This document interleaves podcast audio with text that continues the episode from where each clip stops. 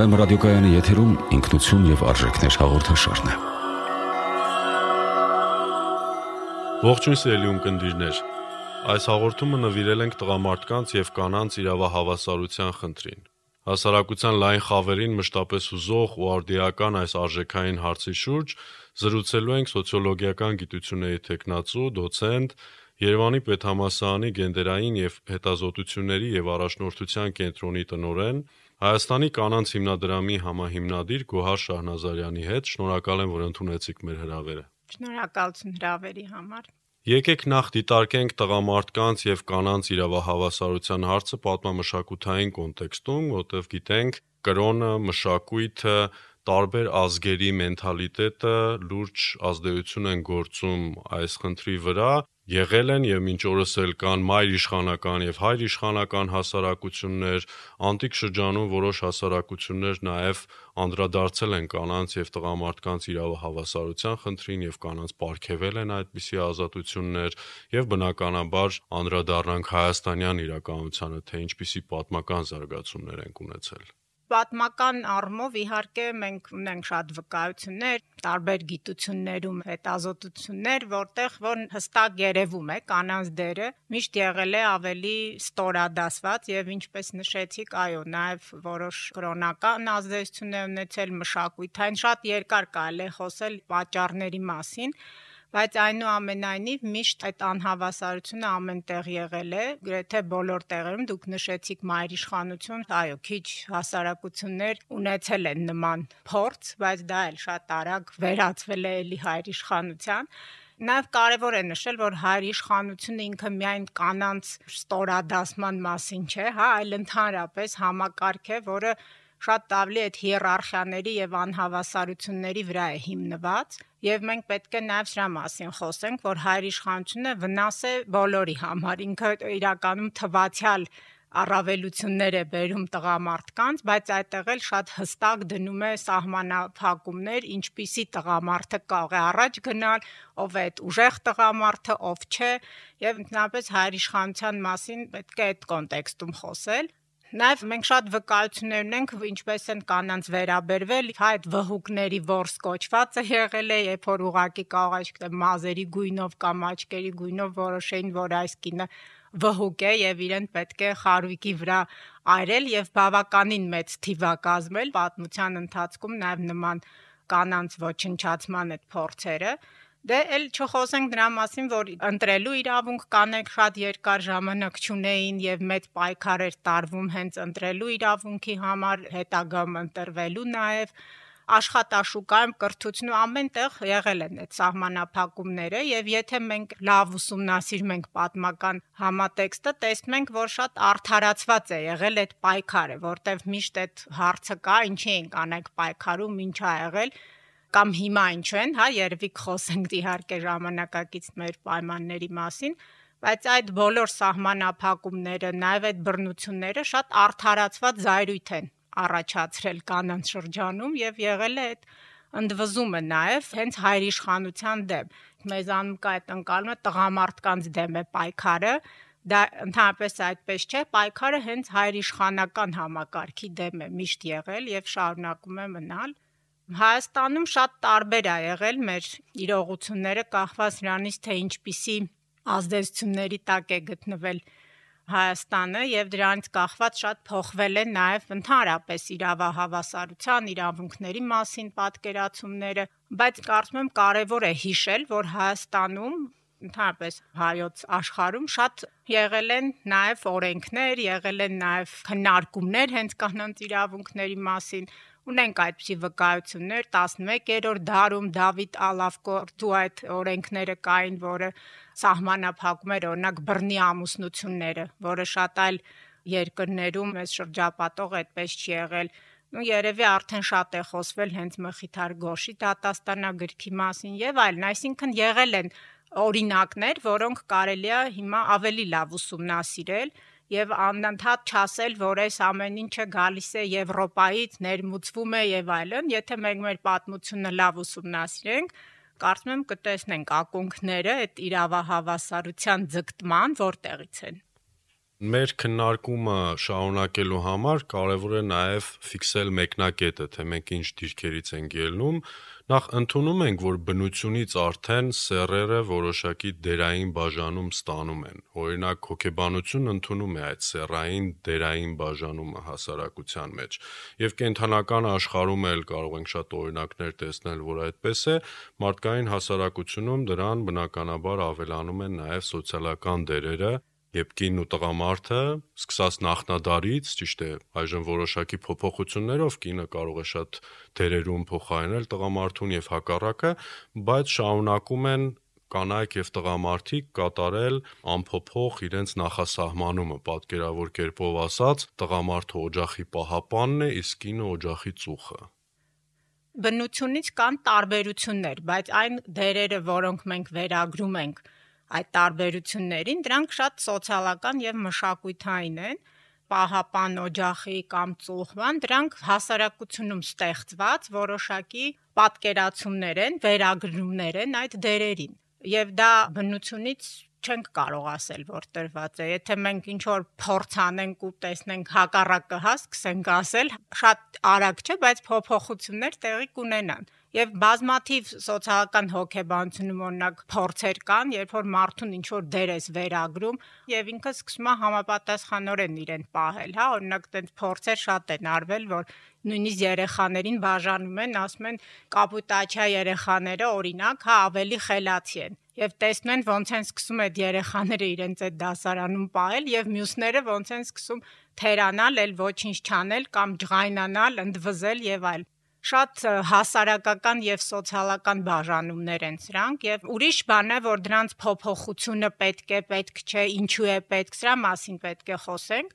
բայց այն որ բնությունից տրված են այդ բաժանումները դա որպես սոցիոլոգ ես համաձայն չեմ այդ մտքին իհարկե Գանք ֆեմինիստական շարժմանը երկու ալիք է ընդունված համարել, որ այդ շարժումն ունեցել է նույնիսկ երրորդ ալիքի մասին են այժմ խոսում Առաջինը 19-րդ դարի կեսերին էր, երկրորդը 20-րդ դարի 60-ականներից եւ շարունակվում է մինչ օրս։ Եկեք խոսենք կանանց պահանջների արդի հիմնավորման մասին։ Գուցե անկեղծանաք եւ ասեք մեզ, թե դուք կանայք ինչ եք ցանկանում, որոնք են ձեր նպատակները, ինչին եք ձգտում։ Արդյոք կանայք ցանկանում են ասել, որ իրենք կարող են անել այն ամենն, ինչ տղամարդիկ են անում եւ ոչնչով չեն զիջում, թե պայքարում են իրենց ճնշված իրավունքները վերականգնելու համար, որովհետեւ տարբեր խմբավորումներից, տարբեր շարժման մասնակիցներից տարբեր շեշտվածության պահանջներ են հնչել շատ ճիշտ եք նշում, որ շատ տարբեր են այդ պահանջները։ Իհարկե ընդհանուր առմամբ ինքը ֆեմինիզմը շարժում է կանանց իրավունքների պայքարի համար է, բայց շատ տարբեր ուղություններ կան, ուղություններ կան, որոնք ավելի տենց լիբերալ ուղություններ են, ավելի օրենսդրական փոփոխություններին հակված, հա, ավելի մեղմ ինչ որ փոփոխություններով են գնում, կան ավելի ռադիկալ շարժումներ, որոնք համարում են, որ շատ այլ ձևեր կան, այսինքն օրինակ այդ իրազեկումը շատ ավելի արագ կարելի անել, չսպասել, միջև օրինակ իմ կրթական համակարգը տարիներով կփոխվի թե ոչ, բայց այլ ինչ որ միջոցներ են ձեռնարկում որ հասարակության ուշադրությունը գրավել այս խնդիրների շուրջ օրինակ, հա, շատ իհարկե པարզ եմ այդ բացատրությունները, բաժանումները անում, բայց իրական շատ տարբեր, այո, կան պահանջներ կարող է 19-րդ դարում իհարկե իրավահավասարության վերաբերալ էր, որտեվ ճունեին օրենսդրական, այսինքն կային սահմանափակումներ եւ կանեք պայքարում են իրավունքների համար իրենց, այդ թվում նաեւ հայ կանայք գրթության իրավունքի աշխատաշուկայի հավասար ինչ որ ներգրավելու եւ այլն բայց այսօր այլևս դրա մասին չէ, որտեվ իրավունքների տեսանկյունից շատ երկրներում, այդ թվում Հայաստանում, կա այդ իրավունքները։ Պետք չի պայքարել օրենսդրական ինչ որ բաների համար։ Իհարկե որոշ օրենքներ կան, որ կարելի է ավելի լավացնել եւ այլն, բայց հարցը ավելի ընտրության մասին է։ Ոչ թե որ տղամարդու նման հավասար ամեն ինչ ունենալ, այլ ունենալ այդ ընտրության հնարավորությունը։ Դա անել թե չանել գիտեմ, աշխատել թե չաշխատել, ինչքան աշխատել։ Այսօր մենք շատ վիճակագրական բոլոր այս մեր տվյալները եւ վերջին ամփոփումը արդեն կա մեր վիճ վարչությունից դրված կայքում, օրինակ կանանց տղամարդկանց աշխատավարձերի տարբերությունը Հայաստանում գնալով աճում է։ Թվում էր, որ հակառակն է, կանայք ամենտեղ աշխատում են, ներգրաված են, բայց 40% է կազմում, ինչը շատ մեծ թիվ է։ Նաև մեր այս տարածաշրջանում բավականին մեծ է։ Մասա պայքարը այդ հնարավորությունների վերաբերալ էլի ավելի շատ, քան տղամարդկանց նման լինելու կամ տղամարդուց ինչ որ բան խլելու, սա մի քիչ թյուր ըմբռնումներ են եւ շատ ցավում եմ, որ այդպիսի մանիպուլատիվ նաեւ ներկայացվածություն կա ֆեմինիզմի մասին։ Իրականում այդ ավելի այո, ընտրության մասին է եւ կարելի է օգտագործել առողջ բառը ավելի երջանիկ հասարակությունում ապրելու հնարավորություն, որ չլինի սահմանափակում միայն նրա համար, որ դու այս կամ այն սեռի ներկայացուցիչ ես։ Հիշատակեցիք օրենսդրական կարգավորումը, ես էլ աչքի անցկացրեցի Հայաստանի Հանրապետության կանանց եւ տղամարդկանց հավասար իրավունքների եւ հնարավորությունների ապահովման մասին օրենքը։ Առաջին հայացքից բավական առաջադեմ է կազմված այս օրենքների համակարգը, դուք, քանի որ այդ ոլորտում եք կանանց իրավունքների պաշտպանության,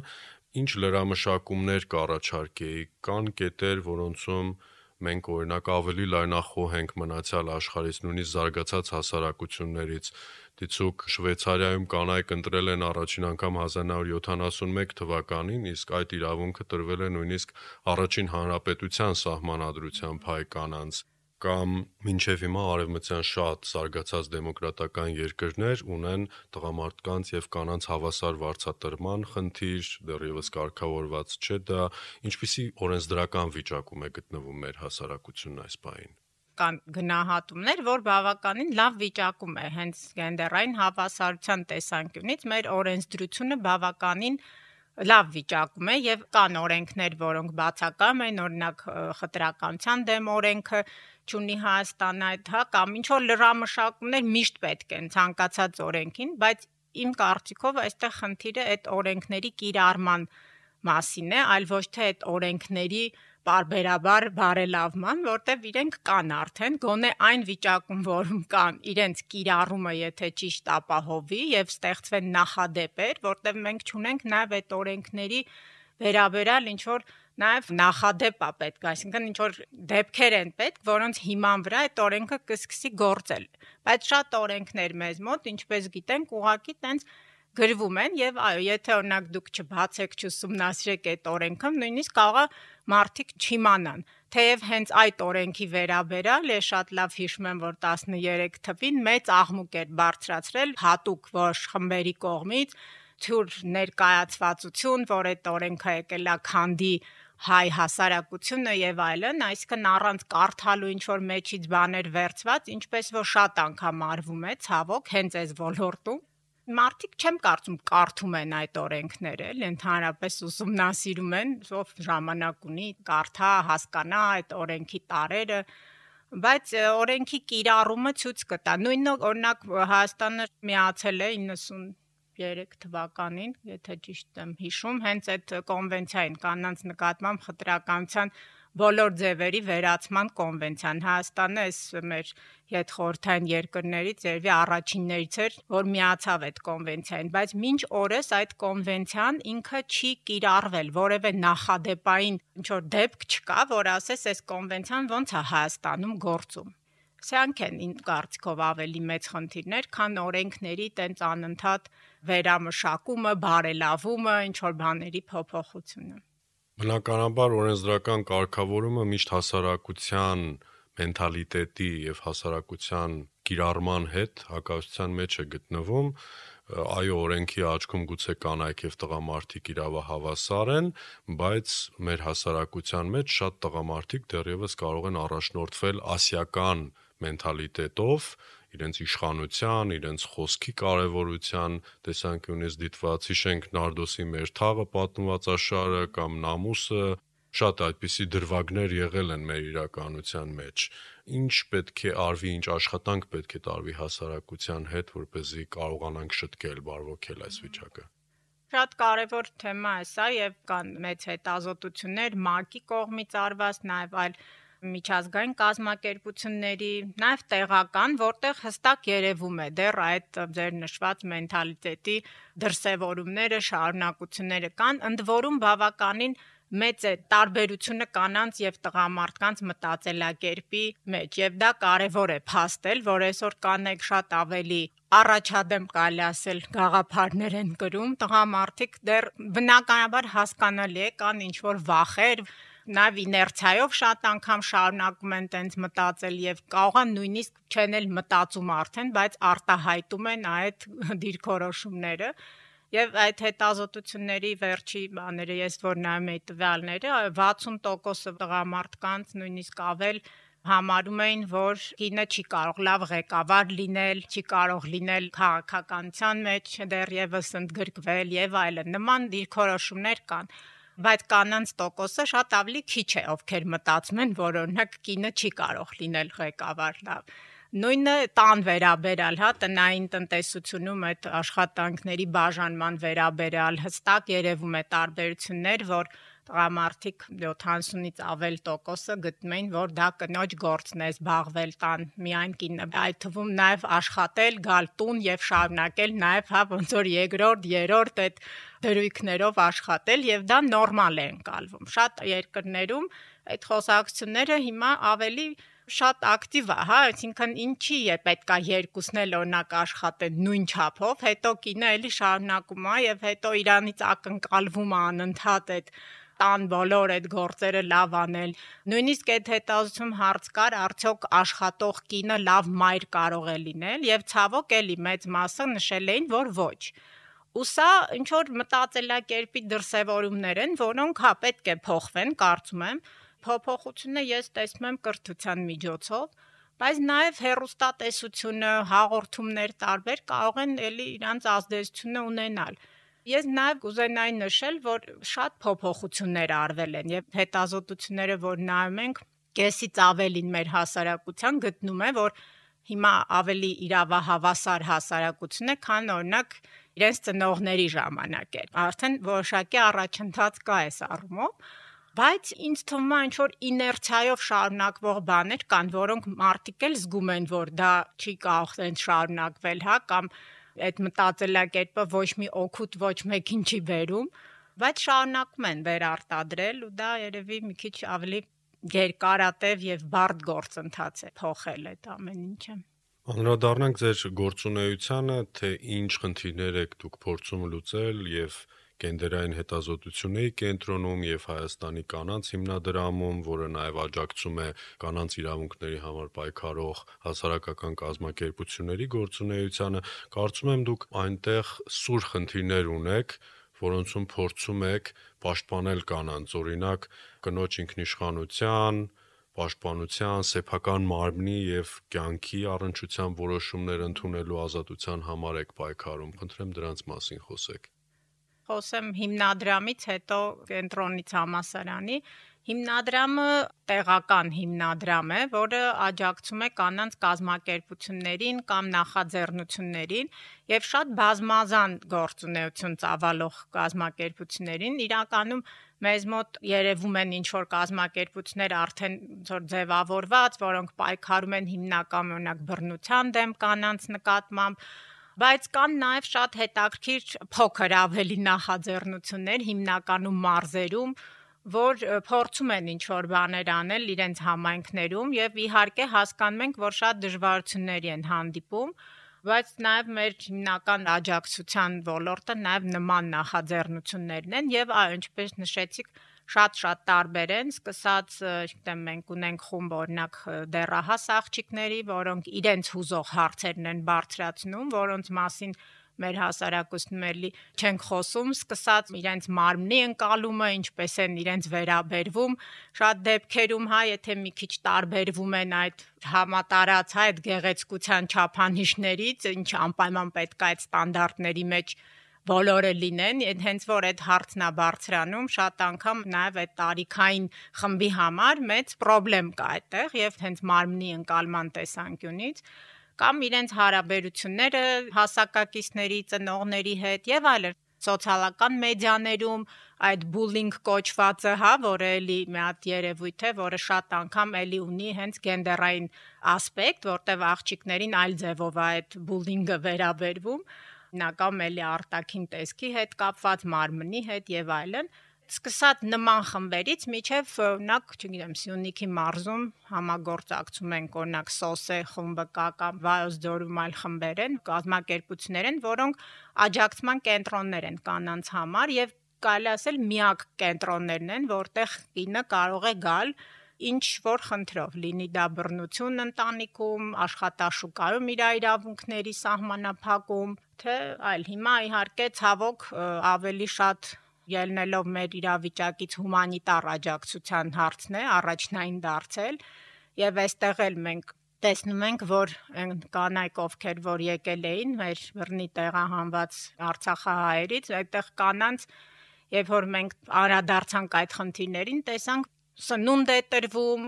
շորեր, հագուստ եւ այլն, բայց կան որոշակի հիգիենայի պարագաներ, որոնք կանանց պետք են, հա, եւ այդ առաջին աջակցությունը, օրինակ այդ մեր կազմակերպություններն էին այնտեղ կազմակերպում, հենց կանանց վերաբերվող խորհրդատվություններ, որոնք որ հասկանում ենք այդ սթրեսային իրավիճակում շատ լուրջ կարող է ազդեցություն ունենալ կանանց հենց վերարտադրողական առողջության վրա ընդհանրապես բոլորի բնականաբար, բայց մենք փորձում ենք չմոռանալ, որ կանայք ունեն այլ կարիքներ, նաև այս հումանիտար աղետների ժամանակ բնականաբար կարող եմ նշել օրինակ 40-ից բարձր կանանց մասին մեր հասարակությունում էլի ոնց որ մի հատ խումբ է, որը աշխատաշուկայից էլ արդեն փորձում են հանել, կարելի ասել, եւ շատ դժվարությամբ են այդ կանեք վեր ինտեգրվում աշխատաշուկա, ընտանիքում էլ արդեն փոփոխական ինչ որ դերում է հայտնվում այդ կինը, Մնակ ունենք հատուկ ծրագրեր հենց այդ տարիքային խմբի համար։ Դեռ շատ հետաքրիր գաղափարներ կան, որ 40-ից հետո մեզ մոտ ինչ կարող է անել հայկինը ապրելով Հայաստանում, տարբեր տեղերում, ինքը ով է ընդհանրապես մեր արտասահմանյան գործընկերների համար զարմանալի էր օրինակ, որտեվ իրենք ասում են մենք եթե էլ խոսենք նման խնդրի մասին 60-ից հետո կարող ենք խոսել, բայց ոչ 40-ից բայց մեզ մոտ մի քիչ երևի ավելի շուտ է այդ խնդիրը, որ արդեն երեխաները մեծ են շատ դեպքերում, հա, տատիկի դերում են դեպի տանում իրան, բայց շատ կանանց համար դա էլ, հա, ինչ որ ինքնա իրացման հարց է մնում, որ ես ով եմ ընդհանրապես, ինչով եմ ուզում զբաղվել, շատերը նոր են սկսում մտածել այն բազմազան խնդիրներ կան, որոնց որ այո, մենք անդրադառնում ենք հիմնադրամով իսկ գենդերային հետազոտությունների կենտրոնը շատ կարևոր կենտրոնն է իմ կարծիքով, հետազոտական եւ կրթական եւ միակն է Հայաստանում, որը կա համասարաններում, բայց մենք այդքան հիմա շատ գործունեություն ցավոք չենք կարողանում ծավալել, որովհետեւ նաեւ ֆինանսավորման խնդիրներ կան, նաեւ մարդկային ռեսուրսների բայց ունեցանք մագիստրոսական ծրագիր, որը կոչվում էր կանայք առաջնորդություն եւ զարգացում, Եվ ինքը ավելի արդեն ոլորտում աշխատող մասնագետի համար էր։ Մենք հիմա փորձելու ենք մի քիչ վերանայել, միգուցե ավելի կարճաժամկետ կուրսեր լինեն, որտեղ մագիստրոսական ծրագիրը շատ ծավալուն բան է, իհարկե դժվար է կազմակերպել, բայց եթե լինեն ավելի կարճ կուրսեր, ոնց որ հասկանում ենք, ավելի հետաքրություն կա նման դասընթացներ վերցնել, քան գալ տենց 2 տարի եւ մագիստրոսական ծրագրին հատկացնել։ Շատ կարևոր է, որ միավորել եք հետազոտական եւ հասարակական գործունեությունը, որովհետեւ շատ կարևոր է նախ ձևակերպել հարցը, թե ինչու է հասարակության խնդիրը, հետո բարձրաձայնել այն եւ ինչ որ աշխատանք տանել դրա կարգավորման ուղղությամբ եւ շատ հուսադրող էր, որ կան այդպիսի կենտրոններ, որտեղ կանայք կարող են դիմել իրենց խնդիրներով եւ դրանք փորձեն ինչ որ ձևով կարգավորել։ Խոսենք նաև նրա մասին, որ հայ կնոջ կերպարը ազգային պատկերացման մեջ պատմականորեն փոխվել է։ Դիցուք միջնադարում կամ մինչև 19-րդ դար հայ կնոջ կերպարը լուր, հնազանդ, նույնիսկ լաչակով բերանը ծածկած, բայց երջանիկ կնոջ կերպար է եղել, որովհետև հիմնականում իր ամուսնու կողմից հարգված է եղել, նաև վճռորոշ ձայն է ունեցել ընտանիքում, եթե համեմատություն անցկացնենք 21-րդ դարի հայ կնոջ միջև, հայ կանայք այժմ ունեն շատ ազատություններ եւ աշխատանքի եւ կարիերայի հարցում, բայց երբեմն նրանք դրանով հանդերձ կարող են դժբախտ լինել։ Այսինքն խնդիրը այստեղ հանգում է տղամարդու եւ կնոջ առողջ հարաբերությանը, սիրո մտնոլորտին։ Եթե այդ հարաբերությունն առողջ է,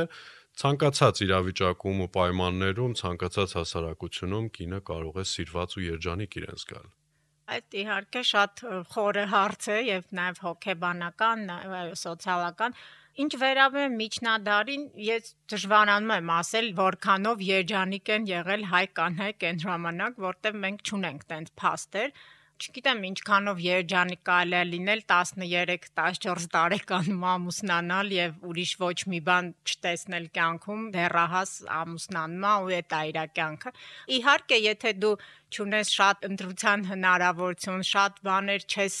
տեսնում համարում ես որ էսա քո կյանքը եւ երևի հարմարվում ես միգուցե նաեւ երջանիկ ես դառնում բայց 21-րդ դարում շատ հնարավորություններ են բացվել եւ ոչ միայն հայ կանանց, հայ տղամարդկանց, բոլորի համար։ Դե մարդը սկսում է համեմատել, ինձ սա պետքա, թե պետք չի, ինչի համար այս զիջումների ես գնամ, այսքան ինչի, օրինակ, չգիտեմ, նո ծայրահեղ մի քիչ բանա, բայց հանդուրժեմ բռնություն, այդ թվում հոգեբանական բռնություն։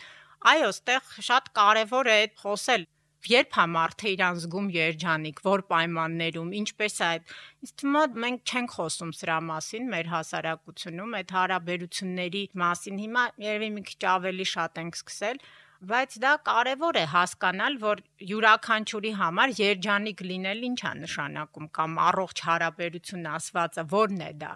որտեվ մենք էլ որ քննարկում ենք, տեսնում ենք, որ շատ տարբեր են պատկերացումները եւ կանանց պատկերացումը երջանիկ եւ առողջ հարաբերությունների ընտանիքի մասին հաճախ տարբերվում է տղամարդու պատկերացումներից։ Հա, կարող ենք միշտ մերժել, ասել, այո, տղամարդու խոսքը վերջինն է լինելու, մեկը ինքն է ասելու ոնց է պետք ապրել,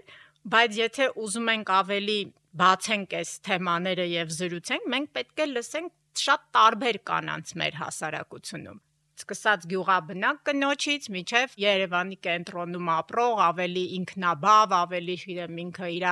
աշխատանքը ունեցող եւ այլն այդ կնոջ համար որն է երջանկությունը։ Ինձ թվում է լավ կլինի, որ ավելի շատ խոսվի եւ այլ տարբեր մասնագետներ միգուցե ձեր հաղորդման նաև շնորհիվ այդ հարցերը բարձրաձայնվեն, որտեվ կարելի է տենց շարունակել, էլի ապրել, հա, բոլորը իրանց համարեն երջանիկ, բայց տեսնում ենք, որ այդքան էլ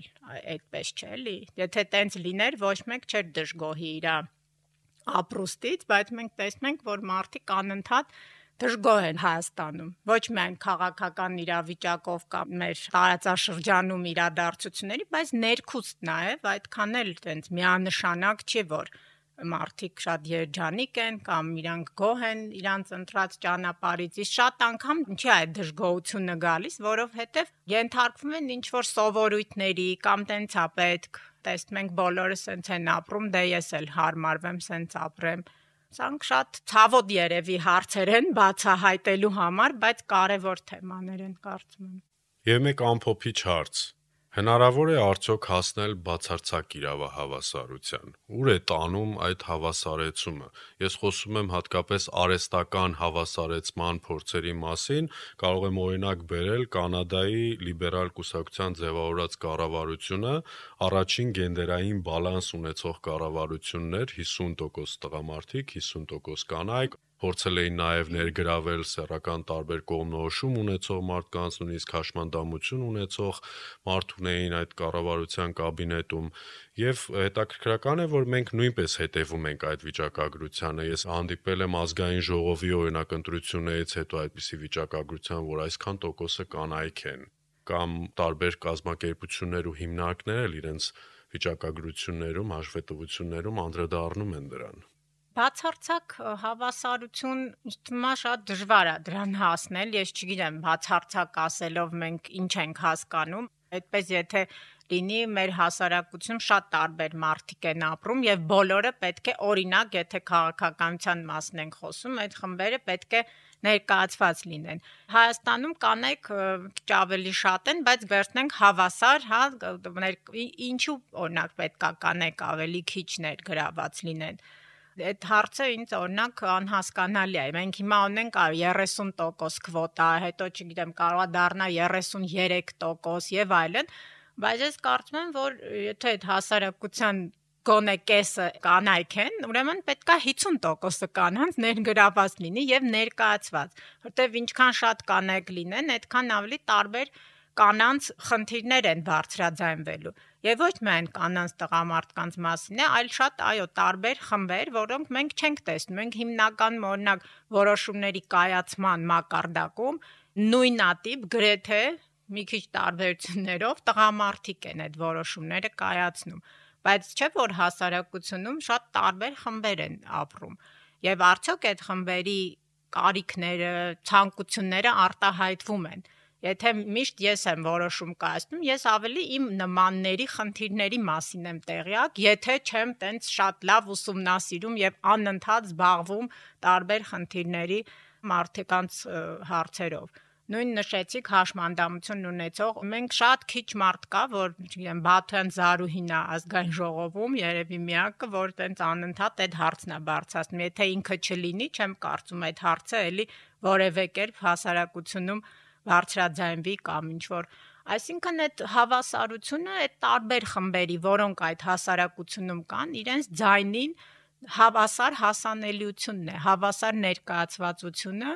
հավասար հնարավորություն նույն ձևով, նույն ռեսուրսները ունենալով բարձրաձայնել հարցերը, որովհետև այլ կերպ ստացվում է, որ իմ փոխարեն անընդհատ խոսում են ուրիշները։ Դա է ամենակարևորը, որ խնդիրը կրողը խոսի դրա մասին, բռնության ենթարկված կինը խոսի, այլ ոչ թե բռնության չենթարկվող ավելի բարվոք վիճակում ապրող կինը Հայաստանում։ Հենց պետքա այն կինո, որ ենթարկվում է բռնության, ինքը գա եւ իր խնդրի մասին խոսի, այլ ոչ թե իր փոխարեն ինչ որ մեկը նստի օրենքներ գրի եւ այլն։ Ես այդպես եմ պատկերացնում բացարձակ, եթե կարելի այդպես ասել, իր հավասարությունը։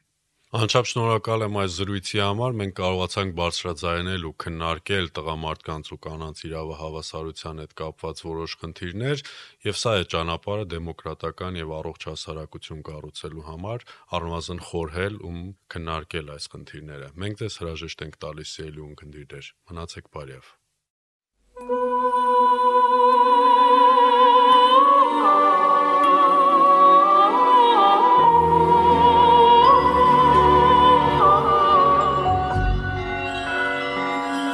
Վեմ ռադիոկայանի եթերում ինքնություն եւ արժեքներ հաղորդաշարներ։ Այն ձեզ ներկայացրեց Վարդան Սարգսակ Ասլանյանը։